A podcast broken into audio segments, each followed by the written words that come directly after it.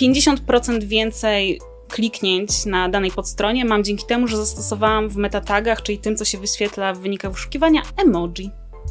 Strona zostaje opublikowana, a tam jest na przykład metatag robots no index i ona nie może być indeksowana. Okazuje się, że cała architektura jest po prostu skopana. Zupełnie gratis za tą godzinę naszej pracy, jak publikujemy nowe, świeże treści, dostajemy kilka, kilkadziesiąt, kilkaset tysięcy kliknięć miesięcznie. Witamy Was w cyklu eksperckim realizowanym z M-Bankiem, który prowadzi kampanię społeczną pod nazwą Cyfrowe Rewolucje, pomagającą firmom rozwijać działania w sieci.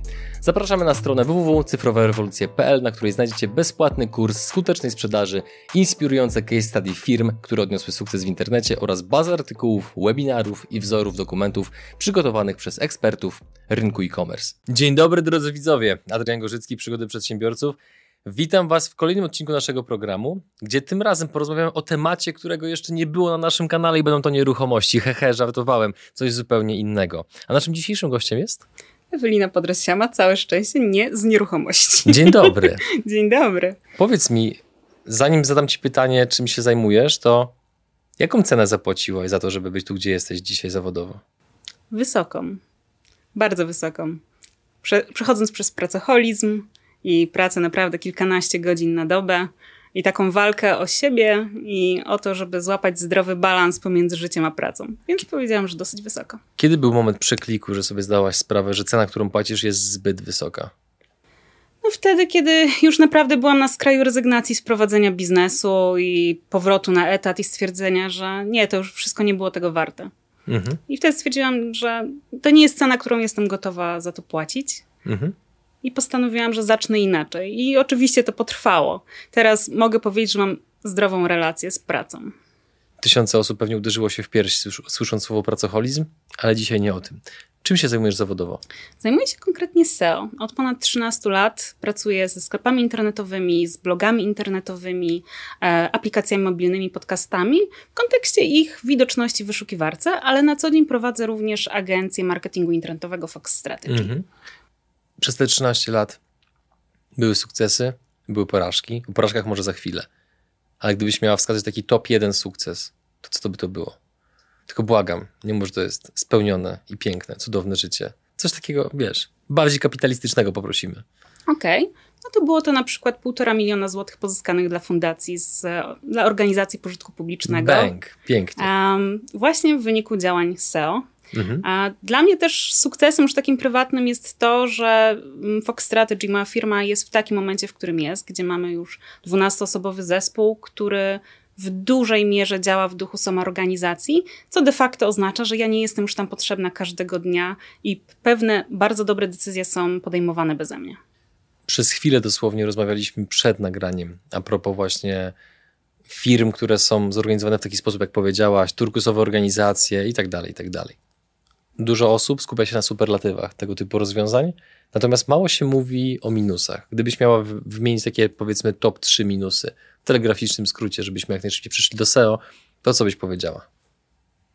Top 1 utrata kontroli w pewien sposób. W momencie, kiedy pozwalasz zespołowi decydować, to musisz też pozwolić na przykład na błędy. I to jest bardzo trudne, zwłaszcza jeżeli jest się osobą samodzielną i raczej perfekcjonistą, perfekcjonistką. I nagle okazuje się, że ta polityka nauki na błędach jest ważna w firmie. Um, ponadto to jest trochę rezygnacja ze swojego ego. A my, jako przedsiębiorcy, mam takie poczucie, lubimy mówić o tym, że to jest nasza firma, my zbudowaliśmy. A to się okazuje, że na nasze efekty pracuje zespół. I trzeba się tym sukcesem też podzielić. I myślę, że nie każdy to potrafi, tego też trzeba się nauczyć. Um, I trzy, trzecia rzecz jest bardzo związana, myślę, z poprzednimi dwiema, czyli taka rezygnacja z rywalizacji o to, żeby być najlepszym, najważniejszym w firmie. Czyli trochę jest to powiązane właśnie z ego. Mhm. Um, decyzja o wejściu w samoorganizację, w turkusową organizację musi być po prostu bardzo świadoma i musi wynikać też z bardzo mocnej pracy nad samym sobą. I jeżeli ktoś chce prowadzić firmę, skupić się tylko i wyłącznie na biznesie, zarabianiu pieniędzy, to prawdopodobnie praca nad feedbackiem, non-violent communication, czyli taką porozumieniem bez przemocy, nieocenianiem, czyli taka ciężka praca, która jest na pogranicy coachingu, psychoterapii, no nie przynosi hmm. wprost pieniędzy od razu. Hmm. To może być wyzwanie i dla mnie było. To a propos wyzwań. Nie wiem jak w twojej branży, znaczy inaczej, nie wiem. Trochę wiem, ale nie tak bardzo jak ty. Natomiast w branży wideomarketingu, a szczególnie wykorzystania YouTube'a w biznesie, w dowolnej branży, w e-commerce, w, w innych dziedzinach, jest tak, że czasami się zdarza, że klient ma takie podejście, że jak założy kanał na YouTubie, to będzie już totalne remedium dla wszystkich jego bolączek marketingowych. Klienci wręcz będą wysyłali listy, żebyśmy ich obsłużyli.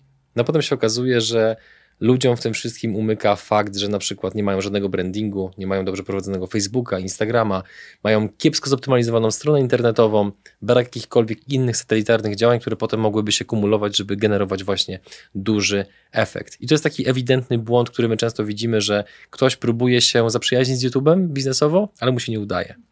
Więc jakie błędy popełniają ludzie w kontekście SEO, które są kosztowne, które są czasochłonne, które powodują, że to SEO potem właśnie oni postrzegają jako takie wyłudzanie pieniędzy przez agencję, nazywając rzeczy po imieniu, a nie jako narzędzie, które realnie może pomóc biznesowi. No to podejdę do tego dwutorowo. Proszę. Pierwsza rzecz w kontekście biznesowym. Ja do dzisiaj się zastanawiam, dlaczego ludzie podpisują umowy na zamknięty okres czasu, gdzie wypowiedzenie jest związane jakimiś karami umownymi, tylko żeby przez pierwsze 2-3 miesiące zaoszczędzić ileś tam złotych. Czyli podpisujemy taki cyrograf tylko po to, żeby coś zaoszczędzić. No, dla mnie to się mija z, ze wszelkimi granicami zdrowego rozsądku. Natomiast jeśli chodzi już o samo SEO, to takim najczęstszym, absolutnym błędem jest to, że strony są migrowane w zasadzie bez konsultacji z SEOwcem. Czyli mamy pomysł, chcemy nową stronę internetową i zazwyczaj w proces jest zaangażowanych bardzo dużo ludzi na czele z prezeską bądź prezesem. Wszystko jest dopięte na ostatni guzik. I strona zostaje opublikowana, a tam jest na przykład metatag robots no index i ona nie może być indeksowana. Okazuje się, że cała architektura jest po prostu skopana. To się nie nadaje, mówiąc wprost, do Google. I nagle jest zdziwienie.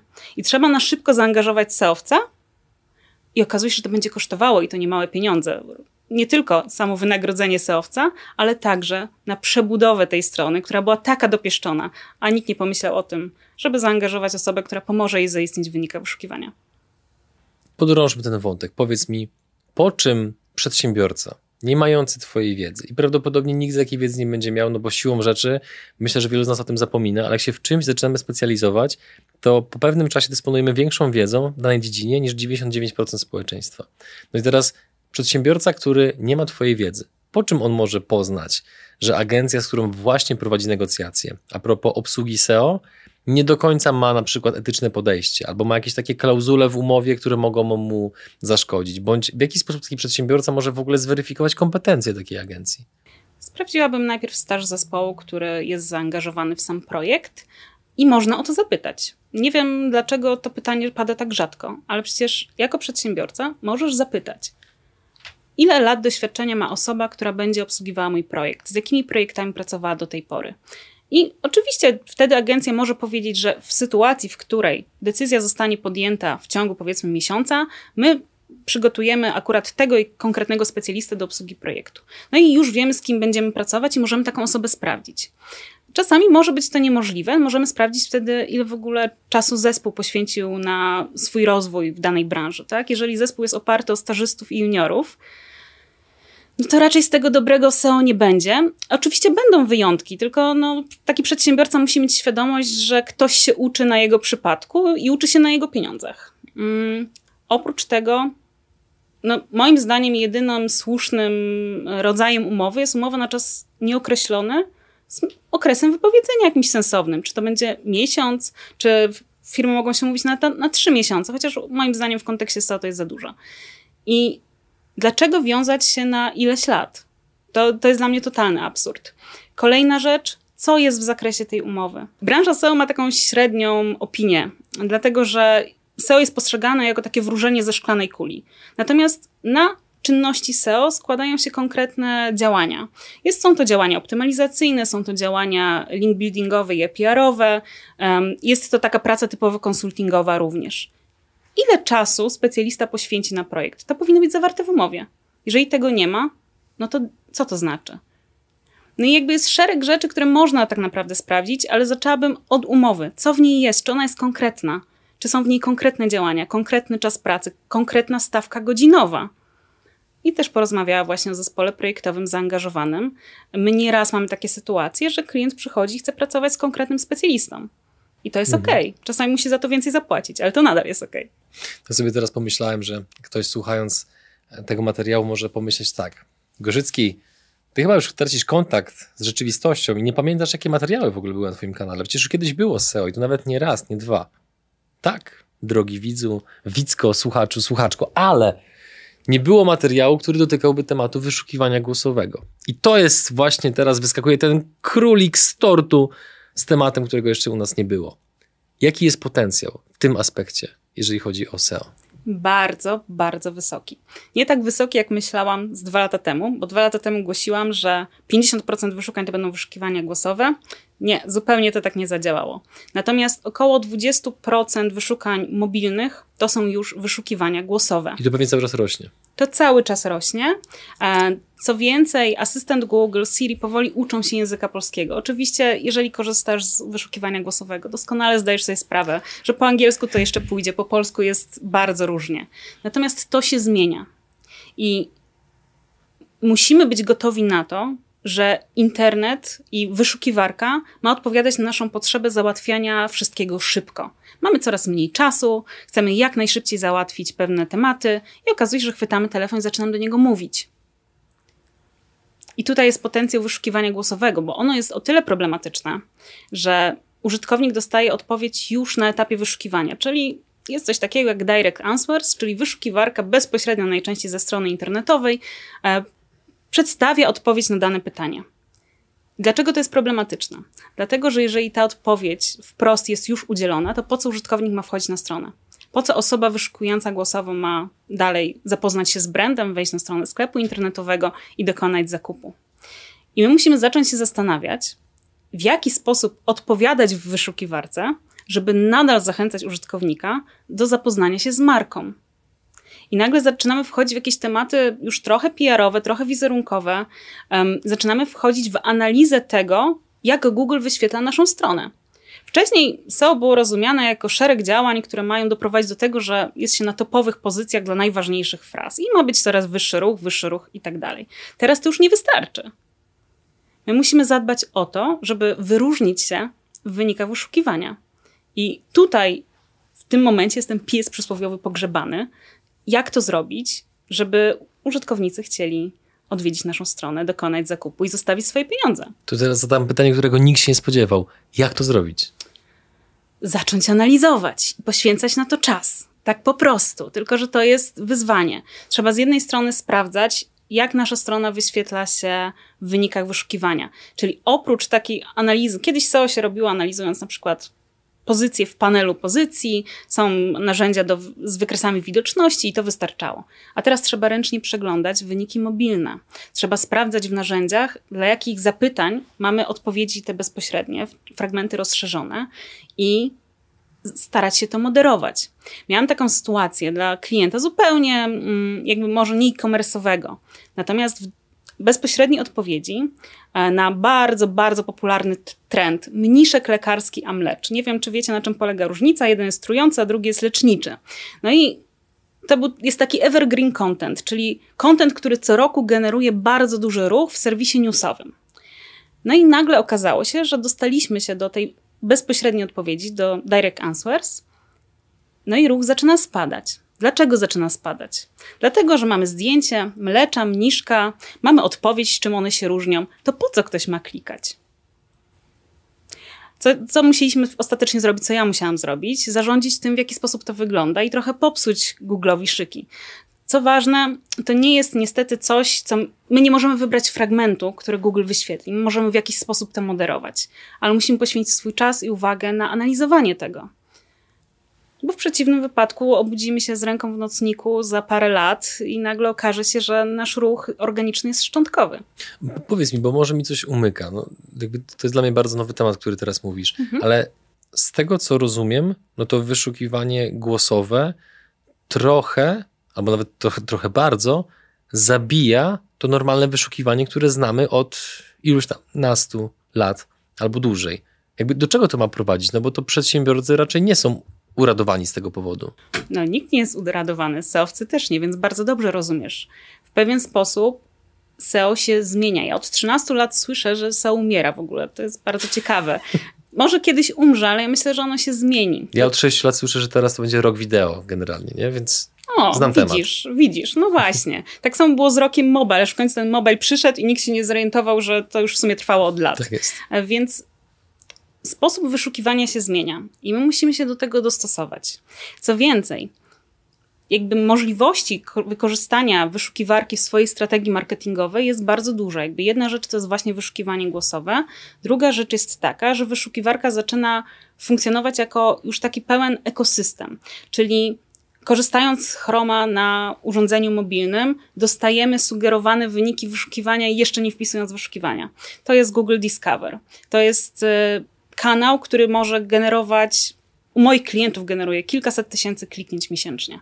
Tak zupełnie po prostu za pomocą dobrych treści. I to się dzieje w ogóle obok SEO. Możemy pomyśleć o dostaniu się do wiadomości Google. To jest kolejny kanał, który jest w pewien sposób zdominowany przez serwisy mediowe, ale tam nadal można się dostać nawet z mniejszym blogiem. Możemy, jeżeli mam na przykład aplikację mobilną, skupić się na App Store Optimization, czyli skupić się na innych wyszukiwarkach, również poza Googlem. Ale zostając w Google, musimy też zacząć pracować nad tym, jak prezentuje się nasza strona w wynikach wyszukiwania.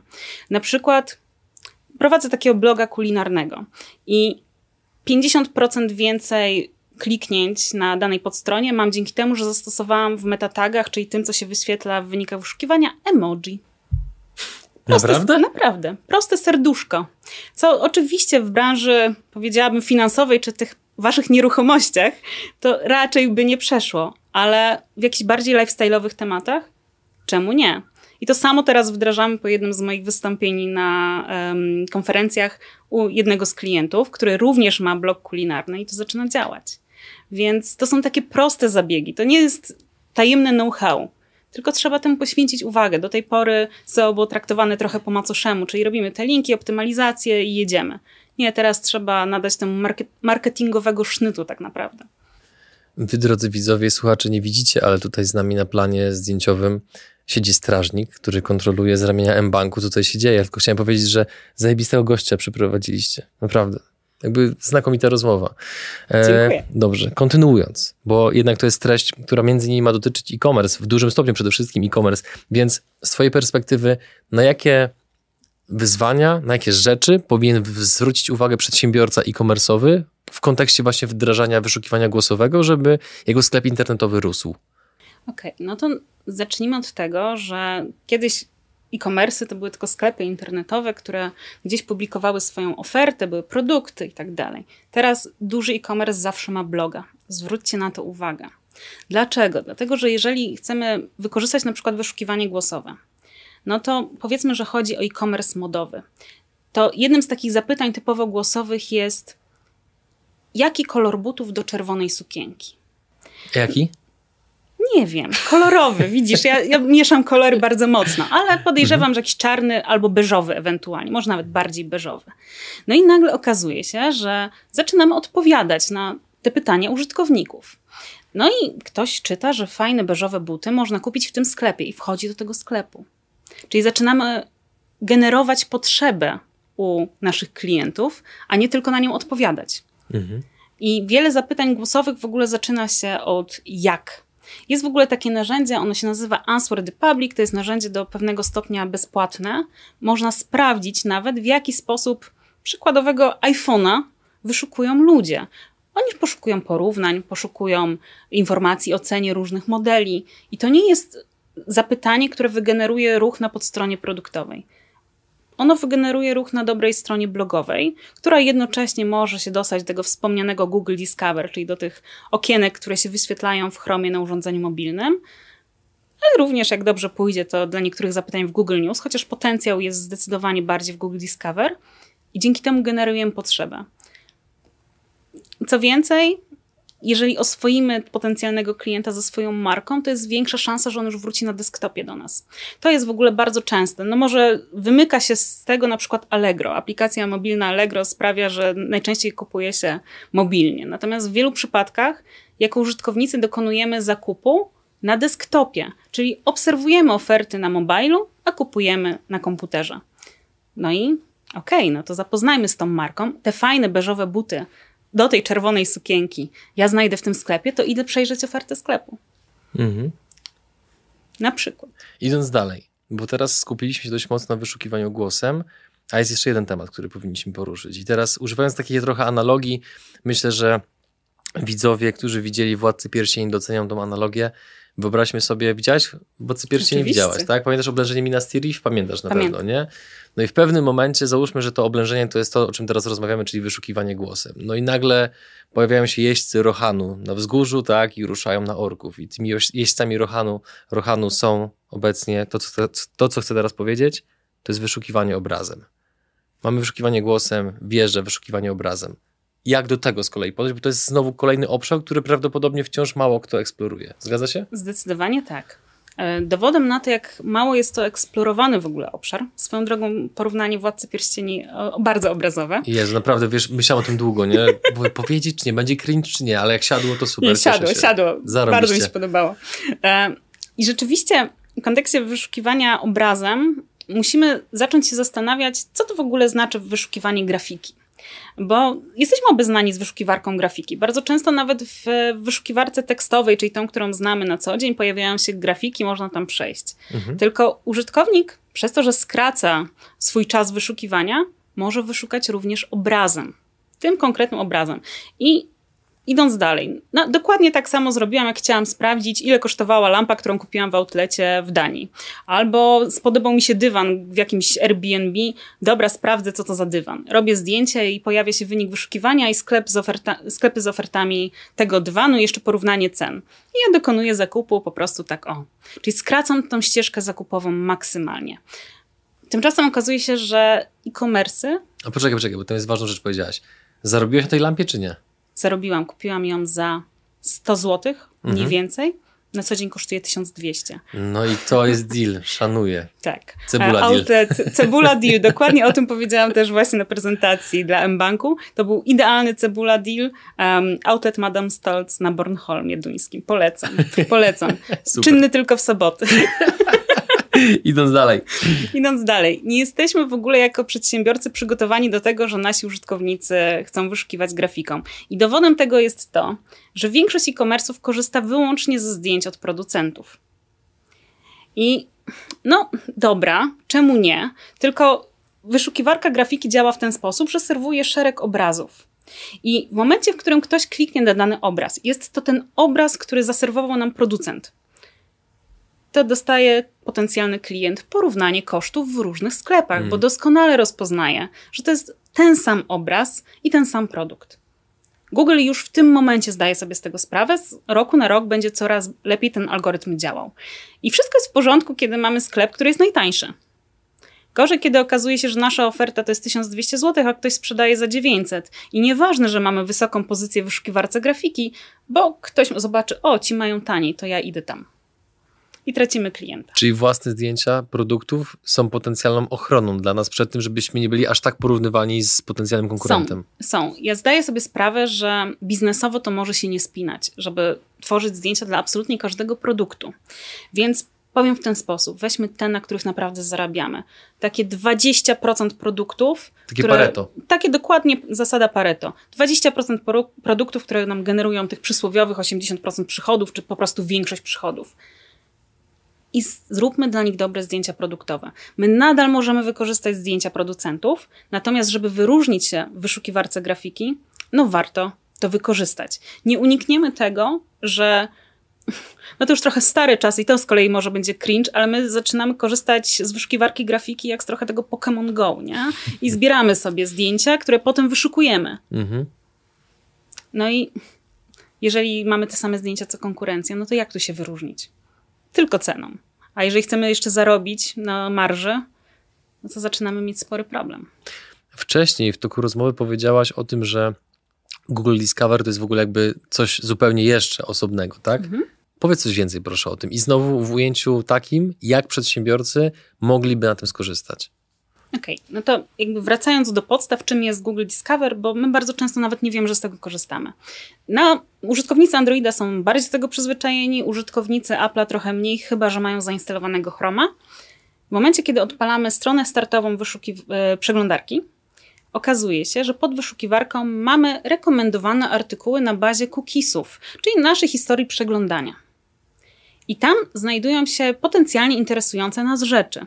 Czyli trochę to działa jak targetowanie reklam, bo wyszukiwarka już wie, czym my się interesujemy, więc serwuje nam treści, które są adekwatne do naszych potrzeb. I teoretycznie to nawet nie jest SEO. Natomiast dane o tym, jaki ruch w ogóle jest z tego generowany, znajdziecie w narzędziu Google Search Console, które jest bardziej SEO dedykowane. I działa to w ten sposób, że macie po prostu taką reklamę tak naprawdę graficzną w przeglądarce. Jeżeli dobrze to wykorzystacie, przedsiębiorcy drodzy moi, to możecie na tym po prostu zarobić pieniądze. Jak I to dobrze wykorzystać? Po pierwsze, spróbować się tam dostać. Powiem więcej, to nic nie kosztuje. To kosztuje godzinę czasu. Mojego no, przedsiębiorcy, który może się zna trochę mniej na SEO, to może trochę więcej, no, ale nadal to są koszty niewielkie. To, co musicie zrobić. E, Google, Google Discover jest silnie skorelowany z Google News, czyli z tym, co jest znane jako wiadomości Google. Żeby dostać się do wiadomości Google, trzeba spełnić kilka założeń. Pierwsze, tworzyć sitemapę newsową. Są do pluginy, które generują to bezpłatnie. Ja mocno siedzę na przykład w blogach i takim pluginem, który generuje bezpłatnie jest plugin RankMath SEO. Oprócz tego podpiąć stronę w Google Publisher Center i stworzyć albo dedykowane feedy XML-owe, to też może zrobić wtyczka, albo nawet podpiąć po prostu adresy kategorii, czasami też tak się udaje. Poczekać na akceptację. Całość zajmuje naprawdę godzinę czasu. Oczywiście musimy podpiąć treści bardziej blogowe. Jeżeli podpiemy, podepniemy kategorię sklepu, to nic z tego nie będzie. To mają być treści, które są inspirujące, które mają zaciekawić użytkownika. Co więcej, czynnikiem rankingowym w Google Discover jest to, jak często ludzie klikają w wynik w przeglądarce. Mhm. No i dobrze, no to już wiem, jak wygenerować z tego ruch. To przychodzi z czasem. I nagle okazuje się, że tak do SEO, zupełnie gratis, za tą godzinę naszej pracy, jak publikujemy nowe, świeże treści, dostajemy kilka, kilkadziesiąt, kilkaset tysięcy kliknięć miesięcznie. Dlatego, że jeżeli coś zażre, to potrafi naprawdę wygenerować 800 tysięcy kliknięć w miesiąc. Miałam taki e, przykład i to akurat był przykład taki powiedziałam emerytalny, dlatego że serwis publikował bieżące informacje o emeryturach, więc dosyć chodliwy temat. Mhm. Um, to jest również możliwe dla e-commerce'ów. Wtedy często te wyniki nie są tak spektakularne jak wyniki typowo newsowe. Natomiast nie wiem jak wy, ja nie wzgardziłam nigdy dodatkowymi kliknięciami, zwłaszcza jeżeli liczę je w setkach tysięcy. A jak to wykorzystacie już na stronie, no to trochę jest wasza inicjatywa. Natomiast może to być dobry artykuł blogowy, właśnie porównanie jakichś produktów z fajnym call to action, czyli takim wezwaniem do zakupu konkretnego produktu. E, fajnie to się sprawdza na przykład na stronach modowych. Sprawdza się to też idealnie w branży elektronicznej, czyli przegląd jakichś iPhone'ów czy najlepszych aparatów w smartfonach.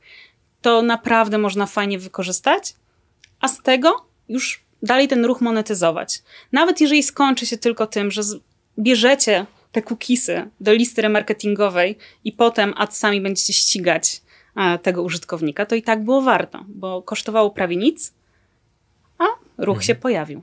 No i teraz właśnie podprowadziłaś mi idealnie wręcz kolejne pytanie. Dlaczego ktoś ma stawiać na SEO i uczyć się tych wszystkich słów XML, Feed, Google Search Console, Google Discover, zamiast po prostu zrobić Memory 5, jak siara, i od agencji wziąć adsy?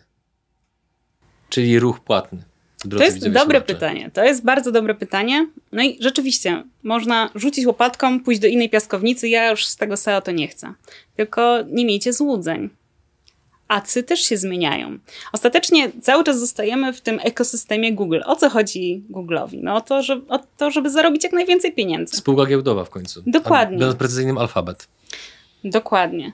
Więc w momencie, w którym Google zależy na monetyzacji ruchu, to oczywiście, z jednej strony muszą pełnić funkcję wyszukiwarki, czyli um, utrzymać takie status quo. No bo przecież są wyszukiwarką. W 97 nas się przedstawiali jako wyszukiwarka bez reklam, bez pogody. Taka czysta wyszukiwarka tekstowa. Zobaczcie, jak Ach, się w ogóle. na początku, co? Tak, ideały się zmieniają. No to dobrze, no to utrzymując status quo, mamy limitowaną liczbę reklam. Oczywiście Google stara się ją podnosić, natomiast no, gdzieś granica zdrowego rozsądku musi zostać zachowana. A i tak dosyć liberalnie do tematu podchodzą. Oprócz tego konkurencja rośnie, biznesów jest coraz więcej.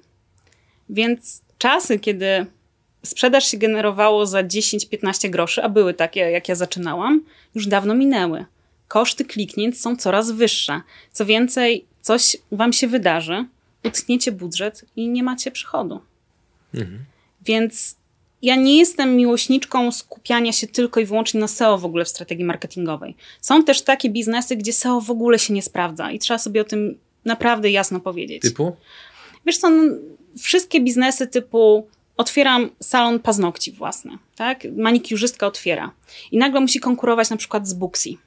Nagle musi konkurować z naprawdę dużymi, wręcz prawie korporacyjnymi biznesami, sieciami. I okazuje się, że lepiej pójść do tego Booksy i tam zadbać, zadbać o dobrego Instagrama, zabrać, zadbać może o dobrego Facebooka, chociaż tutaj też już nie zawsze, i to wystarcza. Więc nie zawsze SEO jest rozwiązaniem.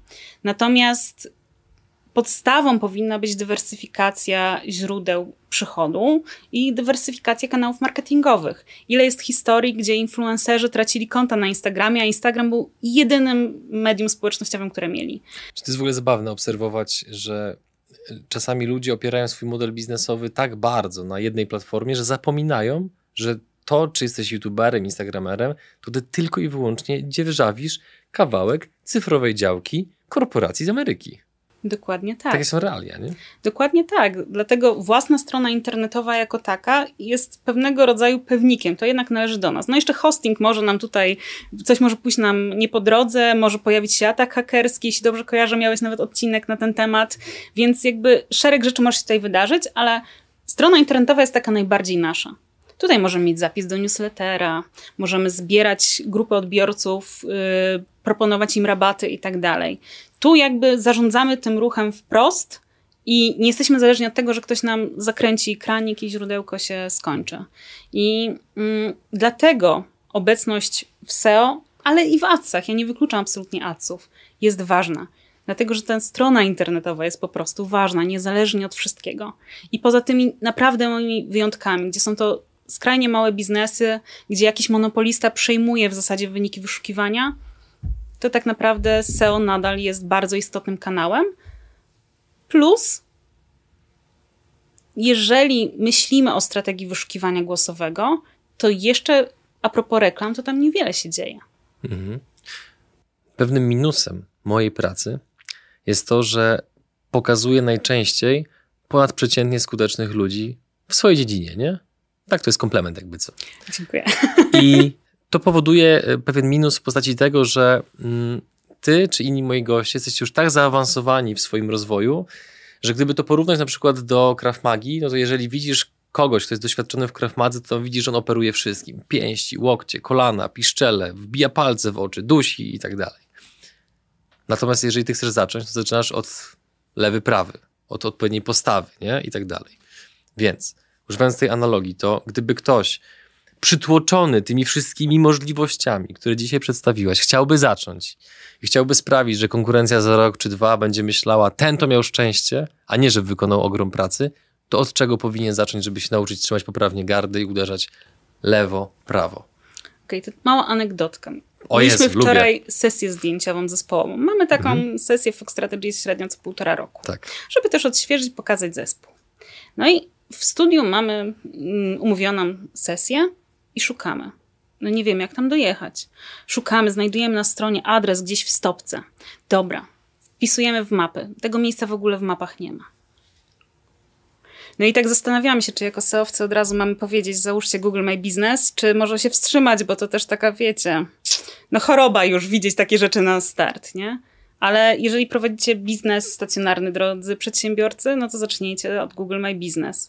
Jeżeli... Mm, prowadzicie e-commerce i macie bloga, zacznijcie Google Discover. Po prostu dodajcie się. To jest ten, ten godzinny proces, który rzeczywiście e, działa. Mm, co więcej, zacznijcie obserwować swoją stronę internetową. E, I mam na myśli również to, jak ona się wyświetla w wynikach wyszukiwania, zwłaszcza mobilnych. Dlatego, że mobilne mm, wyniki wyszukiwania to nie są już wyniki stronicowane, one się doładowują. W związku z czym możecie przeglądać, jak wynik wyszukiwania wygląda na tle konkurencji. I sprawdzajcie to dla tych najważniejszych kategorii sklepu internetowego, na przykład. Mhm. Tych, które najmocniej konkurują i które generują Wam najwyższą sprzedaż. Czy można tam dodać coś więcej? Może jakieś subtelne emoji, a może pojawia się tam jakiś totalnie beznadziejny marketingowo opis, bo wyszukiwarka lubi sobie wybrać jakieś na przykład fragmenty polityki prywatności w opisie i spróbujcie tam wstawić coś, co będzie na tyle ciekawe, że wyszukiwarka będzie chciała to wyświetlić. A co może to być? Na przykład wystąpienie danego słowa kluczowego związanego z kategorią bezpośrednio w opisie. Bardzo często się mówi, że opis, który pojawia się w wynikach wyszukiwania, nie jest czynnikiem rankingowym, czyli nie wpływa na to, jak strona internetowa rankuje. Ok, ale wpływa na to, czy użytkownik chce w nią kliknąć, czy nie. I generalnie myśląc o swojej strategii istnienia w wynikach wyszukiwania, musimy trochę nauczyć się tego podejścia reklamowego, które znamy z adsów. Czyli my nie tylko musimy zaistnieć, my musimy też skłonić do kliknięcia. I na tym przede wszystkim się warto skupić. Takie pytanie podsumowujące. Mm, ja bardzo lubię szukać takich miejsc, jeżeli chodzi o biznes szczególnie, które nie są jeszcze za bardzo zagospodarowane przez konkurencję, no bo to długofalowo daje ci szansę zbudowania dość dużej przewagi w jakimś obszarze, nie? I gdybyś miała właśnie skumulować wyszukiwanie głosem, wyszukiwanie obrazem, Google Discover, te wszystkie trzy, trzy czynniki, to jakbyś odpowiedziała na pytanie, jaki jest poziom wykorzystywania tych narzędzi przez polski biznes na dzisiaj plus minus? Ile procent firm to robi naprawdę świadomie? Wyszukiwanie głosowe, jeżeli 10%, to się zdziwię dlatego że cały czas jest to traktowane mocno po macoszemu. Doskonale zdajemy sobie sprawę, jak działa chociażby asystent Google'owy, więc traktujemy to jako temat, który jest jeszcze daleko przed nami. W przypadku Google Discover tutaj myślę, że no na pewno serwisy newsowe, trochę biznesów, więc tutaj jest tego trochę więcej. Powiedziałabym, że z jedna piąta spokojnie. E, wyszukiwanie grafiki może nawet mniej niż wyszukiwanie głosowe. Zupełnie hmm. szczerze pracujemy z bardzo różnymi sklepami internetowymi, również z ogromnymi markami modowymi i nagle okazuje się, że nikt nie pomyślał o wyszukiwarce grafiki. Że w, o wyszukiwaniu głosowym jeszcze się coś mówi, bo my zaczynamy słuchać podcastów, jakby samo audio zaczyna być popularne, jakby o tym się jeszcze mówi. Ale o wyszukiwaniu grafiką i zadbaniu o zdjęcia produktowe w kontekście SEO mówi się bardzo mało. I tu stawiamy kropkę. Ja jestem zauroczony tym odcinkiem. Naprawdę. Do tego stopnia, że aż mam potrzebę powiedzieć, drodzy widzowie, jeżeli ten materiał zmieni wasze życie, to proszę wyślijcie nam prowizję. Tak, A my oddamy część M-Bankowi w jakiś tam sposób, legalny oczywiście. E, dobra, stawiamy kropkę. E, dziękuję Ci bardzo, że de, de facto dotrzymałaś słowa, na które się umówiliśmy przed nagraniem, że będzie konkretnie, będzie użytecznie, będą historie, będą przykłady, będą trendy. Było super. Ja naprawdę jestem zachwycony jeżeli oglądałeś chociaż parę moich odcinków, doskonale wiesz, że, że nie zawsze mam ekstazę na koniec odcinka, nie? Więc Wiem. jakby wielkie ukłony dla ciebie, Ewelina. Bardzo dziękuję za tę rozmowę. I drodzy widzowie, słuchacze, mam nadzieję, że to, co usłyszeliście, było bardzo przydatne. A teraz po prostu bierzcie się do roboty. A ja bardzo Ci dziękuję za zaproszenie. To naprawdę zaszczyt. No i życzę Wam powodzenia we wdrażaniu rekomendacji z dzisiaj.